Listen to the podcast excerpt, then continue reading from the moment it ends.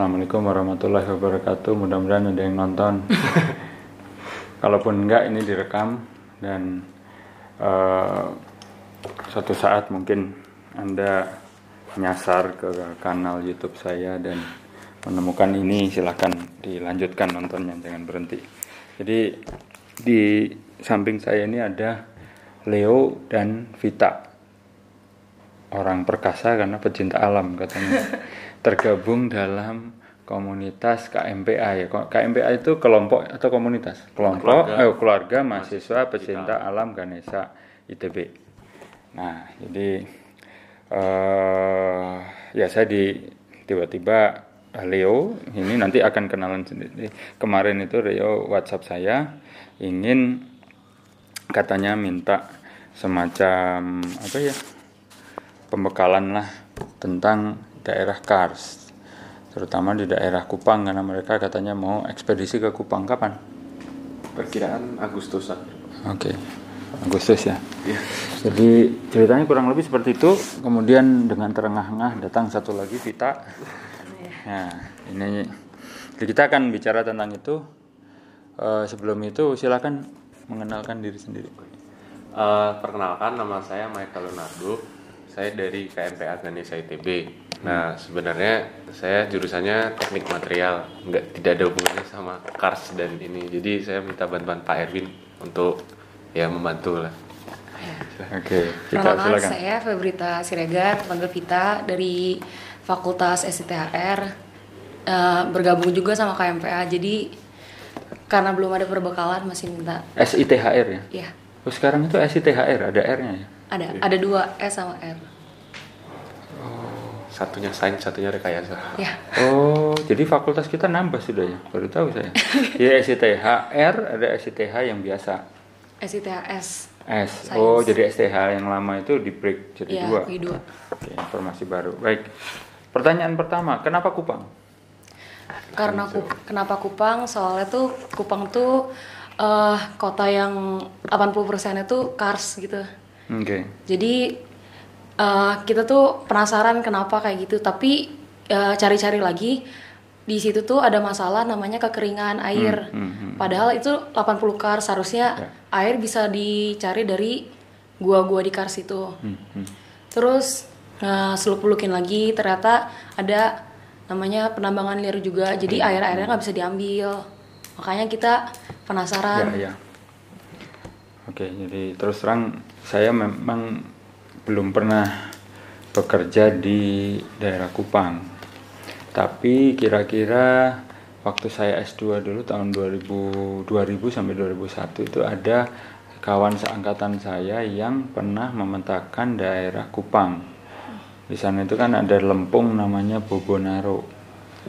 Formasi lempung Bobonaro. Nah, uh, walaupun anda bukan orang geologi tapi menurut saya geologi itu sebenarnya informasi untuk semua Pak. menurut saya ya justru menurut saya SITH nggak apa-apa uh, eh, SITH misalnya atau material itu menurut saya malah informasi yang sudah spesifik iya ya, iya, jadi iya. tidak harus semua orang tahu mm-hmm. gitu kan yeah. bahwa handphone ini mungkin 80% itu berasal dari kegiatan orang material misalnya begitu ya. Yeah. nah tapi kalau geologi menurut saya terbalik pak. Geologi itu harusnya menjadi pengetahuan umum. Iya yeah, gitu ya kan? Yeah. tidak hanya urusan apa batuan beku, sedimen dan metamorf yang sejak SD kita pelajari ya kan. Tapi juga peta geologi menurut saya Pak. Menurut saya dari sejak SD harus tahu anak-anak itu bahwa di Kupang itu eh, kenapa kok Kupang itu kering harus tahu sejak SD gitu. Ya kan? Nah, jadi geologi harusnya seperti itu. Nah, walaupun Anda bukan orang geologi, maka harus familiar dengan familiar dengan ini eh, apa namanya? Peta geologi regional Pak, informasi-informasi basic ya orang geologi. Jadi kalau ini saya putar sedikit ya. Kita uh, oke. Okay. Jadi tahap pertama itu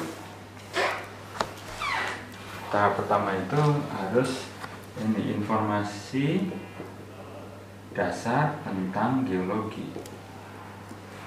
Nah, ini itu biasanya ya yang sampai hari ini ada itu adanya adalah peta geologi regional. Kalau saya tulis GL itu namanya geologi ya. Oh siapa? Regional. Nah ini skalanya satu banding 100 ribu yang mengeluarkan badan geologi. Ini.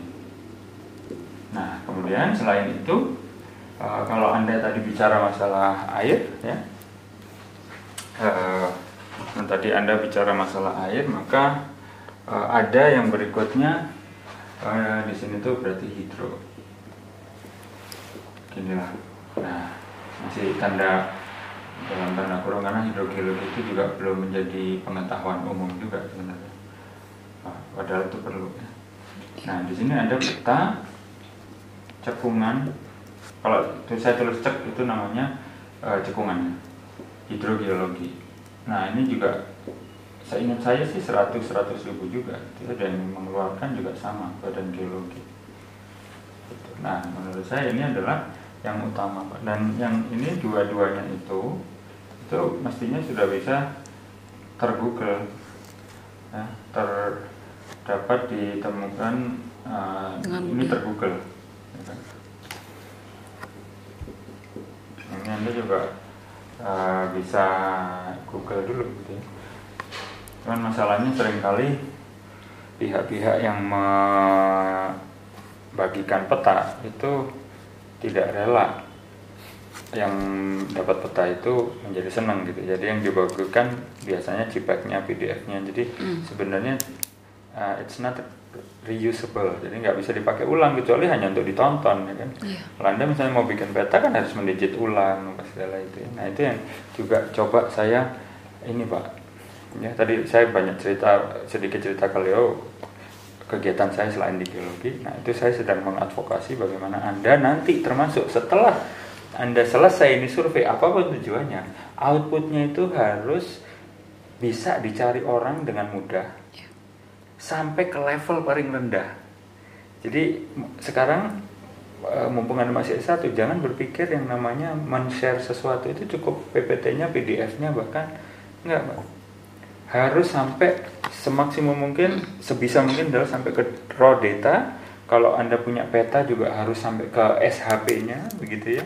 Itu tabelnya juga kalau bisa dikeluarkan walaupun ada di dalam laporan tabelnya di uh, uh, di save dalam separate files gitu kan supaya orang bisa dengan mudah memakai dan kalau orang mudah memakai maka hasil anda akan akan most likely akan dipakai oleh dia dibanding hasil orang lain yang mungkin yeah. sama persis gitu kan. Nah itu yang yang yang ingin saya dorong ke mahasiswa, terutama sekarang ke mahasiswa karena kalau ke golongan yang lebih tua lagi sudah percuma.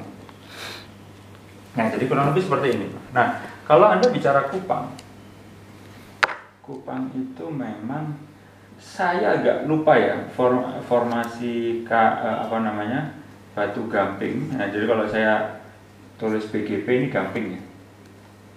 Gamping, batu gamping. Ya, batu kapur lah istilah kita, ya kan? Nah, pasti ada itunya karena kars. Yeah. Ya kan? Yeah. Yang berikutnya adalah formasi Bobonaro. Bobonaro ini clay lempung. Gitu. Ya nah.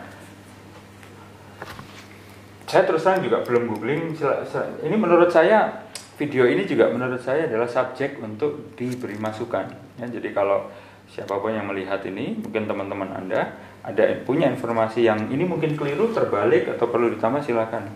Gitu ya subjek untuk di, dikritisi. Nah saya juga belum googling dan saya harapkan anda nanti bisa menghasilkan itu. Mana di antara dua formasi ini yang lebih muda usianya? Tandanya apa? Dia ada di permukaan. Ya kan? Yeah. kalau orang gila itu percaya bahwa uh, ilmu geologi itu mirip dengan ilmu pastry pastry pastry tahu?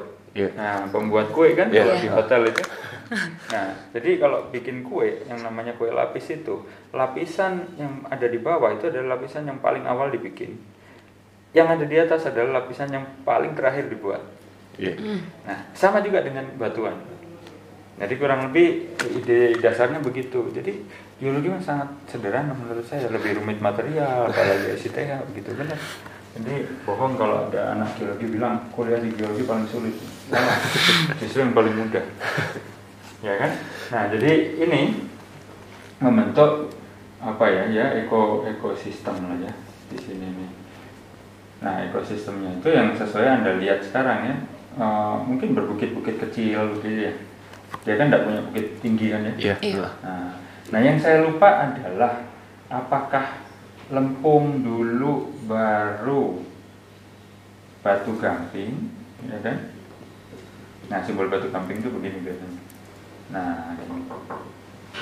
ya kan? Atau Rombongan lagi. banyak ternyata. Ya, Maaf ya ya, ya. Oke, nanti kenalannya belakangan yang dua aja. Ya, Nah, em, apakah begini atau the other way around? Jadi ini begini, terus ini begini gitu ya, saya lupa. Nah, tapi yang menjadi kuncinya itu adalah memang ada itu fenomena kars dan fenomena kars itu cirinya apa? Ada pelarutan. Ya, pelarutan itu apa ya? Dissolve. Anda dari jurusan apa? SBM. Oke. Anda? Dari SITH. sama SITH. Mungkin SITH ada tahu oh, material juga ada kimianya kan pelarutan Iya, itu kan ada. larut artinya. Nah yang larut itu apa? Yang larut itu material ini pak. Ya, anda semua jadi material batuan, batuan. Tapi nggak bisa sobek. Ini larut. Akibatnya apa? Terbentuk rongga. Nah mungkin mungkin anda bertanya, Pak Erwin, kalau sekarang kenyataannya di lapangan tuh ada celah sampai terbuka, ada gua. Terus apa yang membuat lubang pertama? Kok bisa kemudian air hujan atau air permukaan yang ada di Kupang itu lewat di situ melarutkan terus lubangnya menjadi lebih besar gitu kan? Masa iya air itu seperti kalau material itu mesin potong air, air kan bisa motong logam Iya. kan? Nah, kan nggak bersifat seperti itu gitu kan? Mau dia bercucuran jutaan tahun nggak akan juga jadi lubang sebenarnya. Apa sampai jadi itu kan? Nah yang memicu itu adalah peristiwa tektonik biasanya.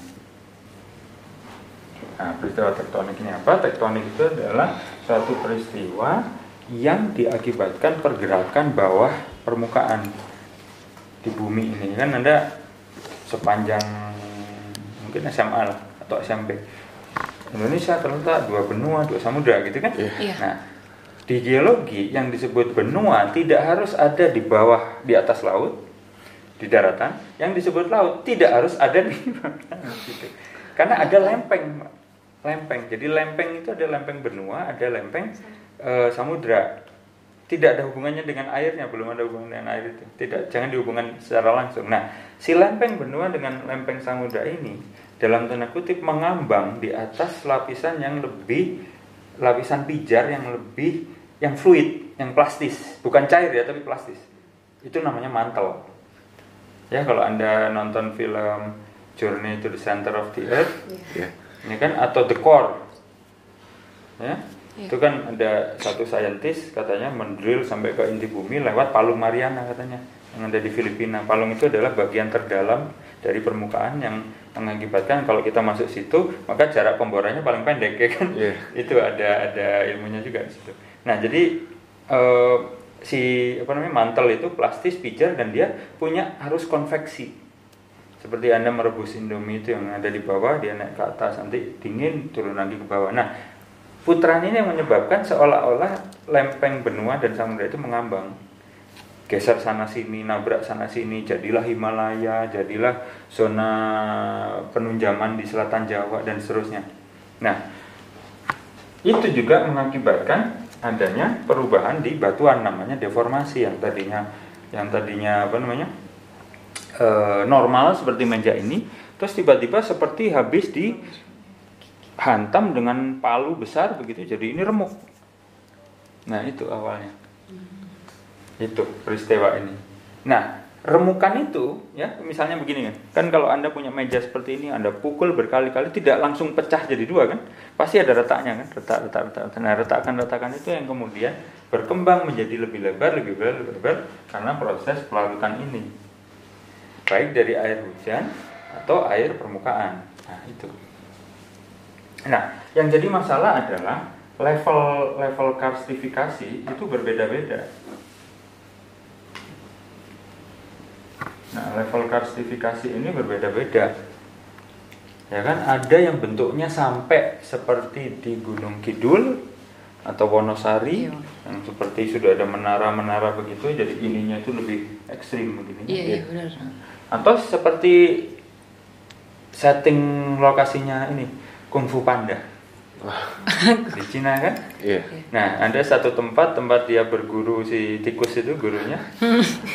si tikus itu diajari gurunya di situ gitu kan. Nah, itu tuh dia punya siluet itu seperti ini, Pak. Nah, begini. Termasuk ini lokasinya Mulan, termasuk lokasinya Three Gorges Dam itu ini gini. Jadi tiang-tiang. Jadi daratan ini tadinya segini. Tapi karena ini kemudian ada hujan, hujan, hujan gitu dan pelarutan maka ini semua turun, turun, turun terkikis, terkikis, larut, larut akhirnya menjadi seperti ya bukit yang yang itu yang berserakan Berlubang, gitu. iya. Oh. Berarti kayak Maros itu juga gitu. Ya, Maros persis salah satu yang intensif karsnya. Gitu. Jadi ada Maros, Gunung Kidul, ada Wonosari, ada apa lagi ya kalau di Sumatera rasanya nggak banyak, di Kalimantan juga nggak banyak. Nggak tahu saya kalau di Papua.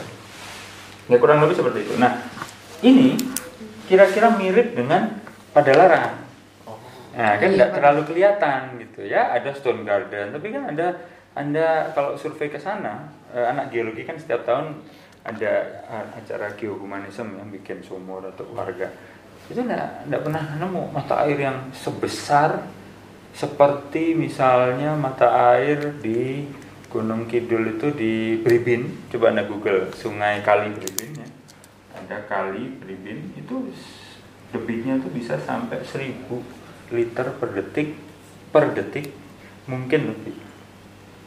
Kebayang nggak? Nah, seribu botol aqua yang seliter itu setiap detik. Anda ngicep sekali begini seribu botol itu pergi dari ruangan datang seribu botol lagi ngicep sekali lagi seribu botol keluar datang seribu botol lagi gitu besar sekali termasuk gua yang sejarah itu 18 20 1825 apa guanya siapa Di Ponegoro. Iya, gua di Ponegoro, gua Selarong. Gua Selarong. Itu bahkan mengeluarkan air tawar di bawah laut.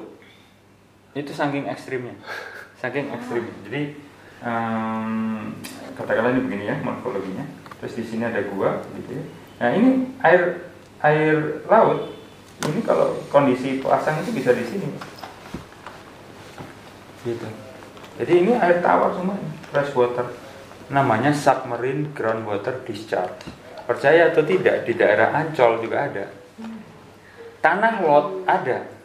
Tanah lot yang ada itu pura itu. Oh iya. Ya itu kalau anda ke sana pas airnya surut itu ada mata air keluar. Hanya Tapi itu sistemnya bukan kars, itu gunung api kalau di Bali. Ya. Tapi mengeluarkan fenomena yang sama. Ini namanya submarine groundwater discharge. Nah, kurang lebih seperti itu. Nah, sekarang apa yang terjadi pada saat larut? Jadi kalau anda googling masalah kars, jadi anda mungkin sekarang harus sudah mulai itu googling kars hydrology. Nah, paper-paper dalam negeri atau dalam luar negeri. Ya. Nggak usah baca semuanya, baca saja abstraknya sama gambar-gambar yang di dalamnya. Nah, biasanya itu begini. Nah, jadi ini begini. Ya, kalau ada yang dari eh, Jawa, Saya pak. tahu istilah luweng? Tahu. Nah, luweng itu istilah kars. Iya, Ya, kayak lubang- bolong gitu. Lubang, iya. Lubang yang nah begini. Nah, begini. Tadinya lubang ini nggak terbuka gitu ya, tapi sejalan dengan pelarutan begitu itu bisa terbuka, ini bisa hilang. Persis seperti Green Canyon, Anda pernah ke Ciamis, Green Canyon, satu lagi Kars Green Canyon di, di Ciamis. Itu kalau Anda berapa juta tahun yang lalu mungkin lupa saya usianya Mungkin Anda tidak mendayung di bawah langit, beratapkan langit. Anda mendayung di dalam gua. Kalau sekarang kan Anda nongak di langit ya, karena atapnya sudah runtuh. Sampai Nah, gitu kurang lebih. Ya, jadi ini ini tuh bisa ke sana. Kalau di tiga dimensikan itu bisa ke sana. Nah, tiga dimensi panjang bisa. Bisa juga dia cuma segini. Ya, beberapa waktu lalu, setahun atau dua tahun lalu ada lubang neraka apa segala di Kolombia atau di mana yang tiba-tiba di suatu kota ambles semua lubang. Ya itu begini juga urusan di, di bukan di sini. Nah bisa begini. Nah kalau dari atas ini kan tiga dimensi ya, ini tuh diagram blok begini tiga dimensi. Kalau dari atas itu ya kurang lebih begini. Nah bisa begini. Nah, Nah, orientasi lubang-lubang ini kan ada orientasi memanjangnya. Itu biasanya akan berhubungan dengan proses ini. Jadi ini tuh bisa jadi dari eh, calon-calon sesat begitu. Nah, yang ini mungkin beda polanya begitu. Kalau orang geologi percayanya. Ya, jadi seperti ini. Di di sekitar sini juga pasti ada namanya bukit. Bukit-bukitnya itu juga saling berserakan begitu. Ya. Nah, ini ini tuh bisa nyambung ke bawahnya itu ada gua, bisa. Bisa begini. Bisa juga tidak. Itu. Itu masalahnya. Dan gua ini bisa mampet ya kan? Bisa lurus panjang mengikuti eh, apa lembah sungai yang ada di atasnya itu. Bisa juga tidak. Bisa juga dia berhenti terus dia turun. Terus baru ke arah yang sama lagi gitu ya. Tapi dia turun levelnya. Karena ini bisa bertingkat-tingkat. Kalau dari sisi samping itu nanti bisa begini. Nah, gitu. Oleh karena itu, kalau orang geologi nggak bisa dia memetakan ini kalau nggak ada anak KMPA yang ke bawah. Tapi nasib baik ada kawan-kawan kita yang di geofisika. Nah, orang anak geofisika itu bisa pakai alat salah satunya pakai alat geolistrik untuk mendeteksi rongga ini. Dan itu bisa dilakukan. Saya punya dua contoh sudah di Ciamis. Ya mudah-mudahan bisa tergoogle rasanya sudah saya online kan. Jadi eh, caranya di atas di scan pakai geofisik, di bawah teman-teman Anda angkatan ah udah lama itu mungkin 2004 2005 anak FSRD salah satunya. Lupa saya namanya masih ingat saya mukanya.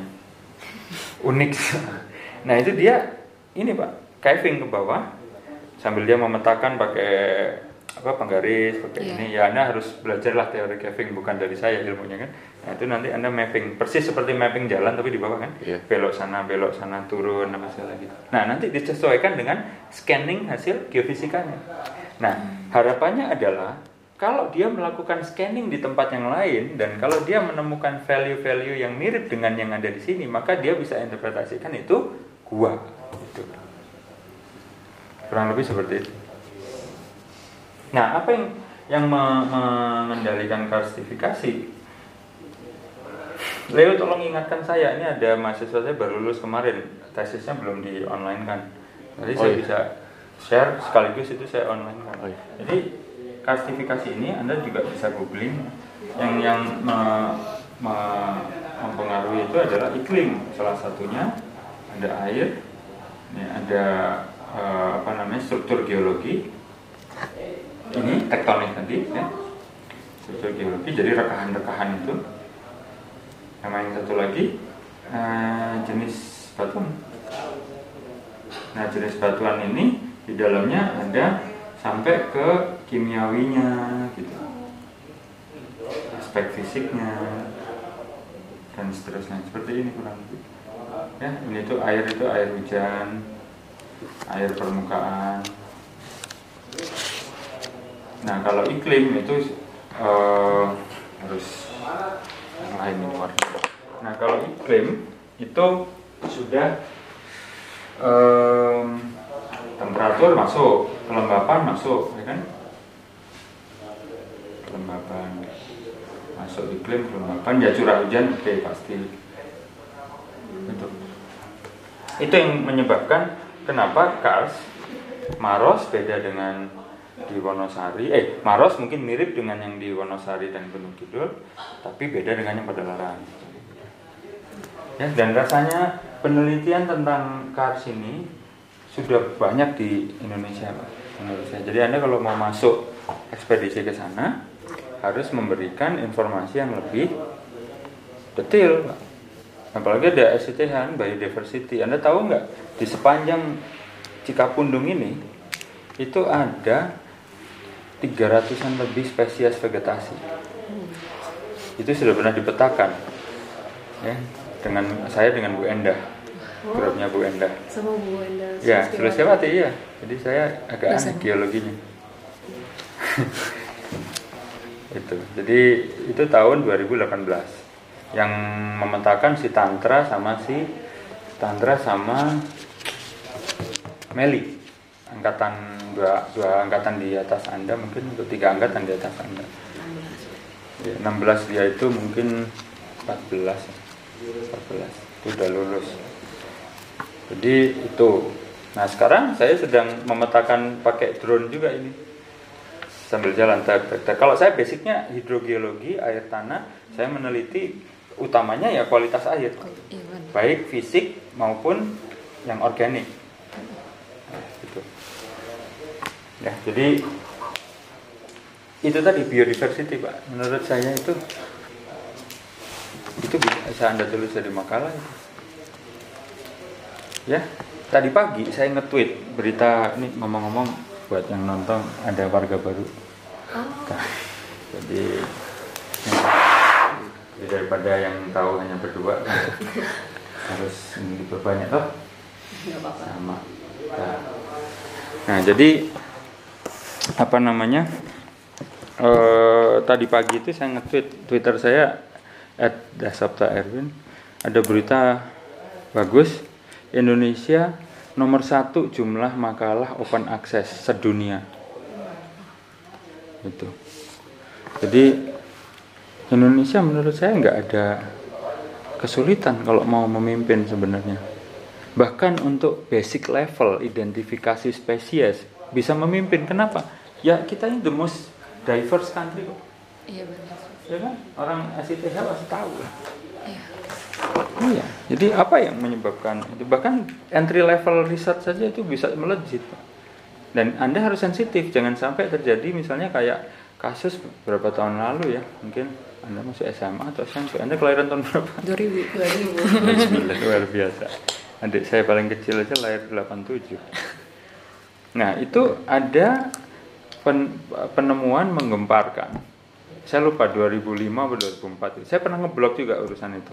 Ada ikan purba yang menurut orang lain sedunia ini sudah punah, ternyata masih ditemukan berenang di Manado, perairan Manado. pernah dengar Iya. Ya kan? Koel koelakan. Nah, yang ada begininya lampunya itu. Coba di Google. Salah satu artikelnya pasti artikel saya. Dan saya bilang begini. Saya cerita waktu itu, saya baca cerita. Jadi yang menemukan juga bukan orang Indonesia yang menemukan tuh peneliti biologi yang bahkan ke situ sedang turis, sedang melancong bulan madu baru nikah. Ke satu pasar lihat ada ikan. Kok aneh gitu Iya, kan? Terus dia nanya-nanya. Terus mulai rada menarik pada saat semua orang yang dia tanya bilang bahwa itu kayaknya ikan mestinya sudah nggak ada lagi gitu kan. gitu. Akhirnya masuk nature. Di nature itu nggak ada penelitiannya. Itu cuman cerita pengalaman dia menemukan ikan itu. Di di majalah Nature-nya yang kata orang top sekali itu itu cuman itu saja. Dan dia mengidentifikasi udah itu aja. Bahwa spesies ikan ini mirip dengan spesies suatu ikan yang sudah pernah dinyatakan punah. Udah itu aja lah orang Indonesia yang jualan ikan setiap hari lihat pak. Benar juga. jadi sensitivitas pak. Jadi di artikel saya yang terakhir di The Conversation itu juga terkait dengan yang artikelnya Bu Endah dengan Bu Endah saya nulis itu saya bilang eh, biodiversity itu modalnya satu sensitivity. Iya benar. gitu pengetahuan itu masalah berikutnya bisa googling zaman sekarang. Tapi yang penting sensitif. Ini kayaknya nggak pernah lihat saya gitu kan. Gitu. Gitu. Termasuk spesies vegetasi yang invasif misalnya atau apa. Menarik pak. Jadi saya lama-lama nyesel juga nggak masuk biologi. Gitu kan. gitu. Ya jadi kembali ke sini. Menurut saya eh, informasi cars anda itu sejauh ini mungkin saya hanya sampai sini ya. Jadi yang yang berikutnya yang anda perlu googling itu adalah kondisi geologi yang yang detail pak ya. Sampai level tertentu detail itu. Jadi anda harus tahu formasi yang paling tua apa yang paling muda apa ya. Kalau anda saya yakin mungkin batu kambingnya ada di atas juga. Sebagian kecil daerah itu ada yang itu kemudian jadi uh, kars tapi juga mungkin saya nggak tahu ada proses lain mungkin yang ini? Coba anda googling aja. Siap. ya dan saya sangat ingin tahu hasilnya. Ya kan? Nah biasa kan juga anda itu kalau googling jangan cuman googling terus nanti belok ke Instagram. Itu kalau anda googling itu ya siapkan kertas. Nggak usah pakai tablet kertas. Terus anda bikin gambar seperti ini. Wah, bagus banget. Oh, anda bikin gambar seperti ini gitu. Nah jadi skema-skema seperti ini Bagus banget. gitu nih skema ini dari seminar ini saya. Nah, jadi Anda terlatih ininya. Iya. Terlatih menyaring informasi walaupun masih dangkal. Baru lihat judul, nggak masalah. Judulnya aja dulu. Oh, 10 halaman pertama. Itu saya lihat ada kata kunci ini, ini, ini, ini, ini, ini, ini, ini, gitu.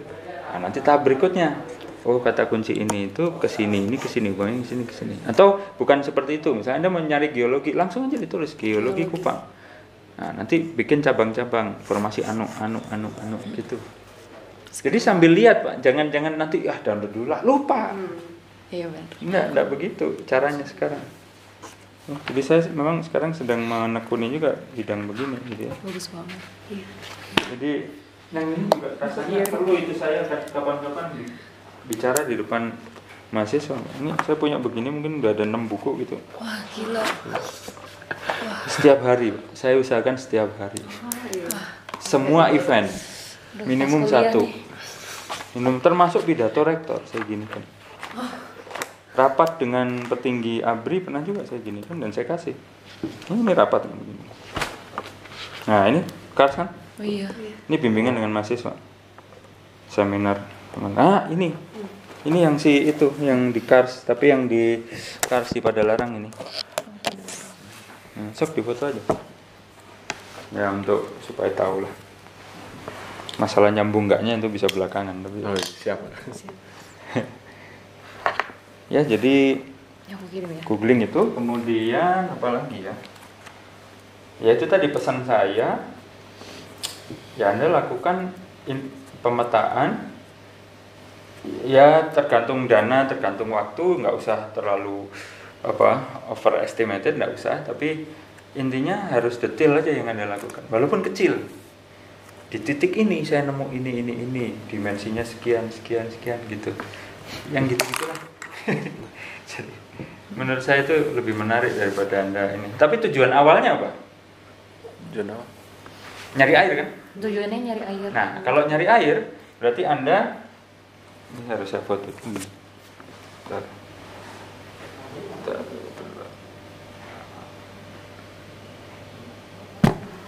Ah, saya. Nah, kalau nyari air, nah itu bidang saya yang sesungguhnya. Asik.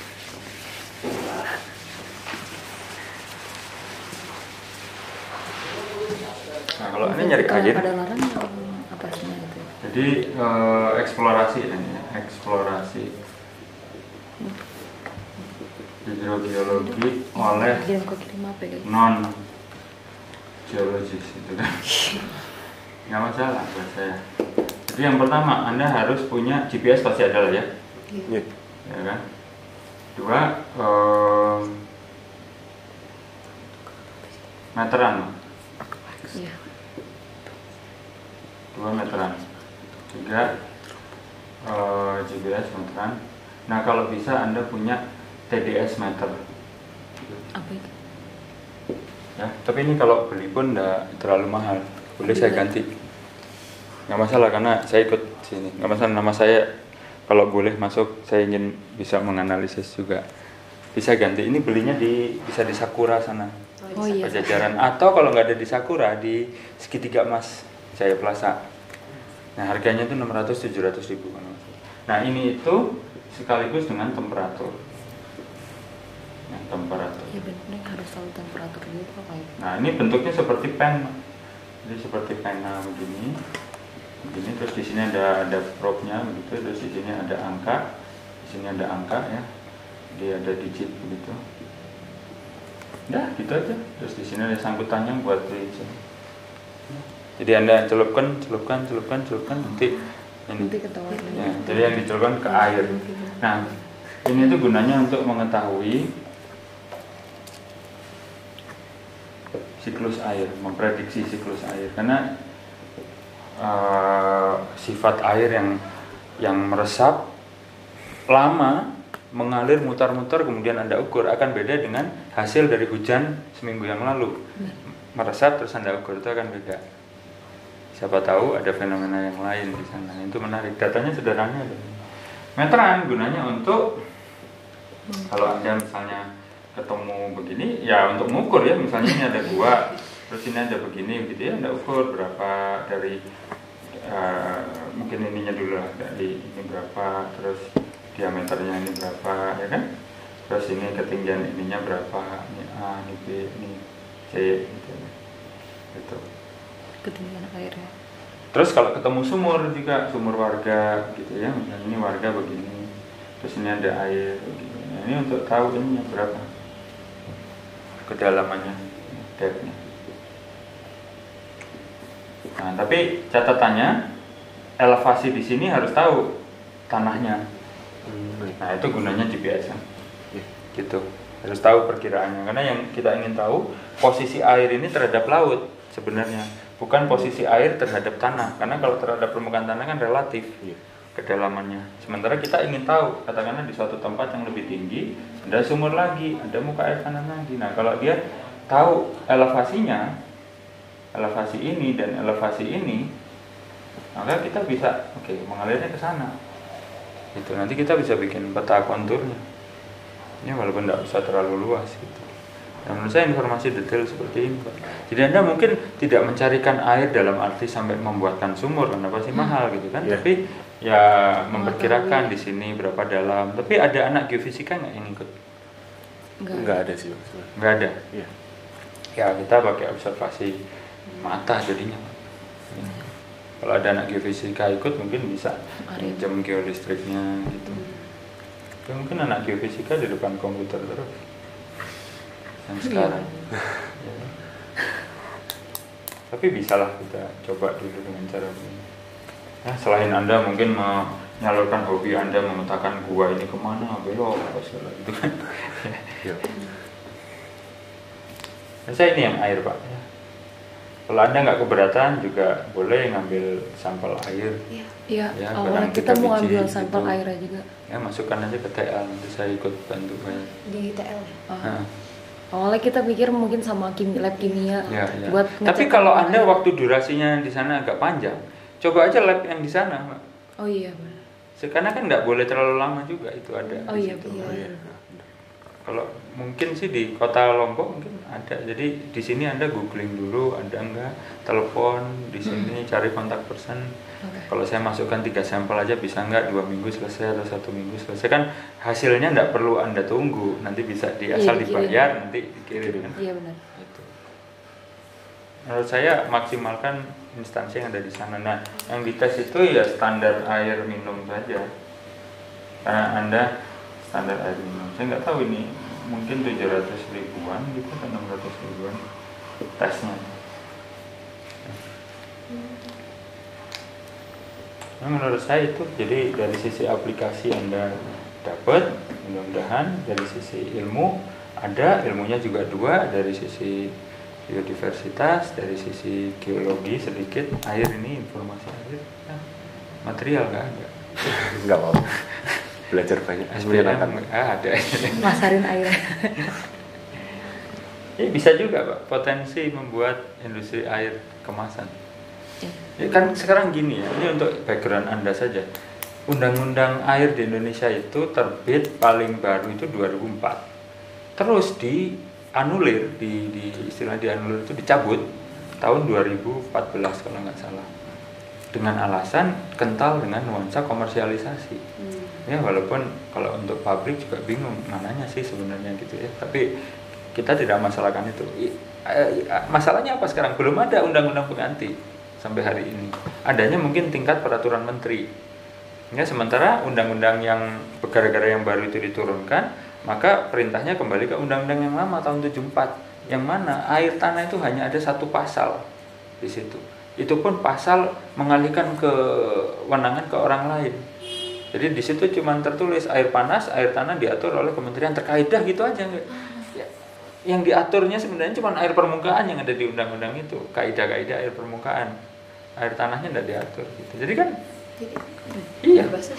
bebas iya itu dia. Nah jadi kalau misalnya mem- memungkinkan juga bisa tuh anak SBM misalnya SBM bagaimana potensi industri air tapi yang kalau bisa yang non profit gitu loh. Gimana caranya? Entah yayasan atau koperasi untuk memenuhi kebutuhan air ini gitu. Ya kan? Misalnya mereka saya nggak tahu di sana sudah banyak air isi refill enggak gitu. Kalau buat saya itu membantu. Selama hasilnya bisa di itu kan? Di Manfaatkan. memenuhi kesehatan standar-standar itu menurut saya ah, kenapa enggak? gitu. Selama tidak profit terlalu tinggi ya mungkin itu bisa jadi satu ini yang anak SPM material yang material nggak ada Enggak apa-apa. ya, nasibnya gitu kurang lebih ada pertanyaan Mbak Sri? Jelas sih. Ya, kalau ada yang lain bisa anu WhatsApp, telepon atau apa. Nah, saya ngantor di handphone biasanya. Ya saya ada kantor fisik, tapi kadang-kadang saya dengan siapa pun ya mahasiswa.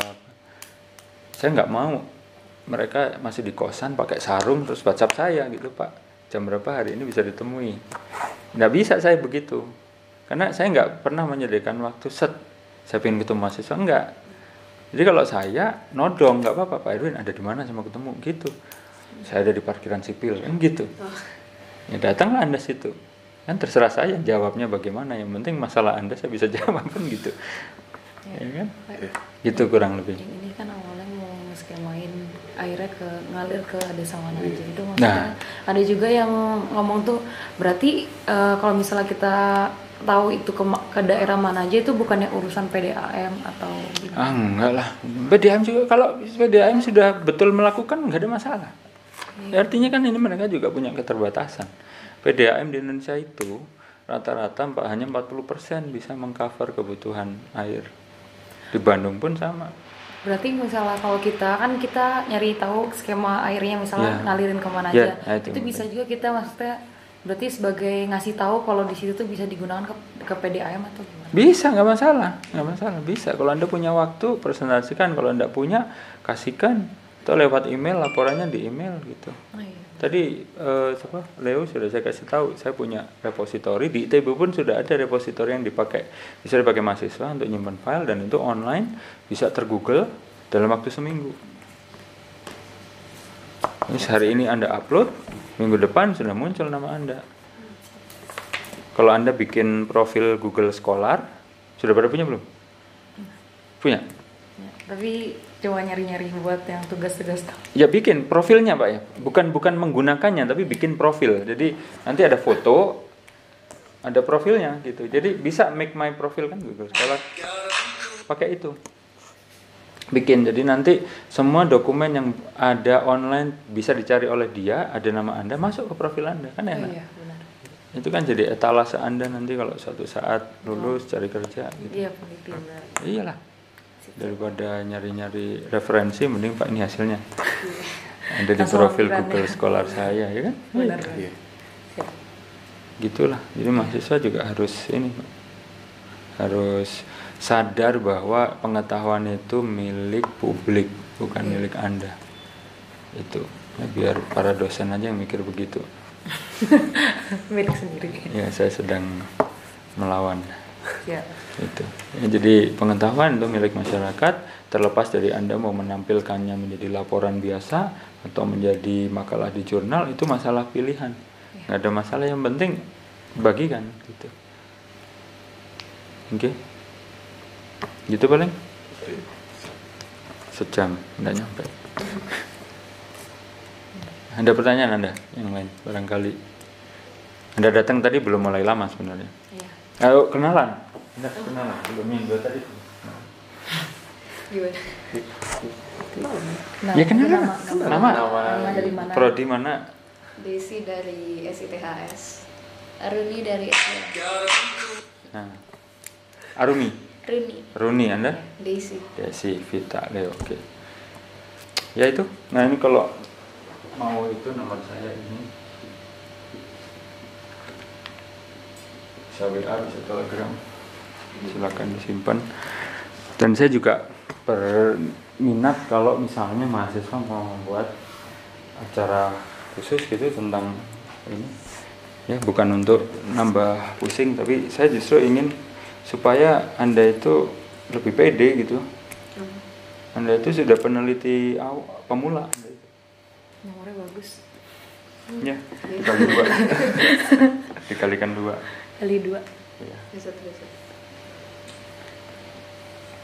Ini, ya. gitu Iya.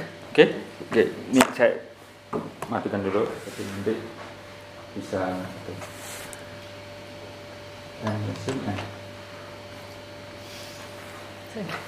sudah mana YouTube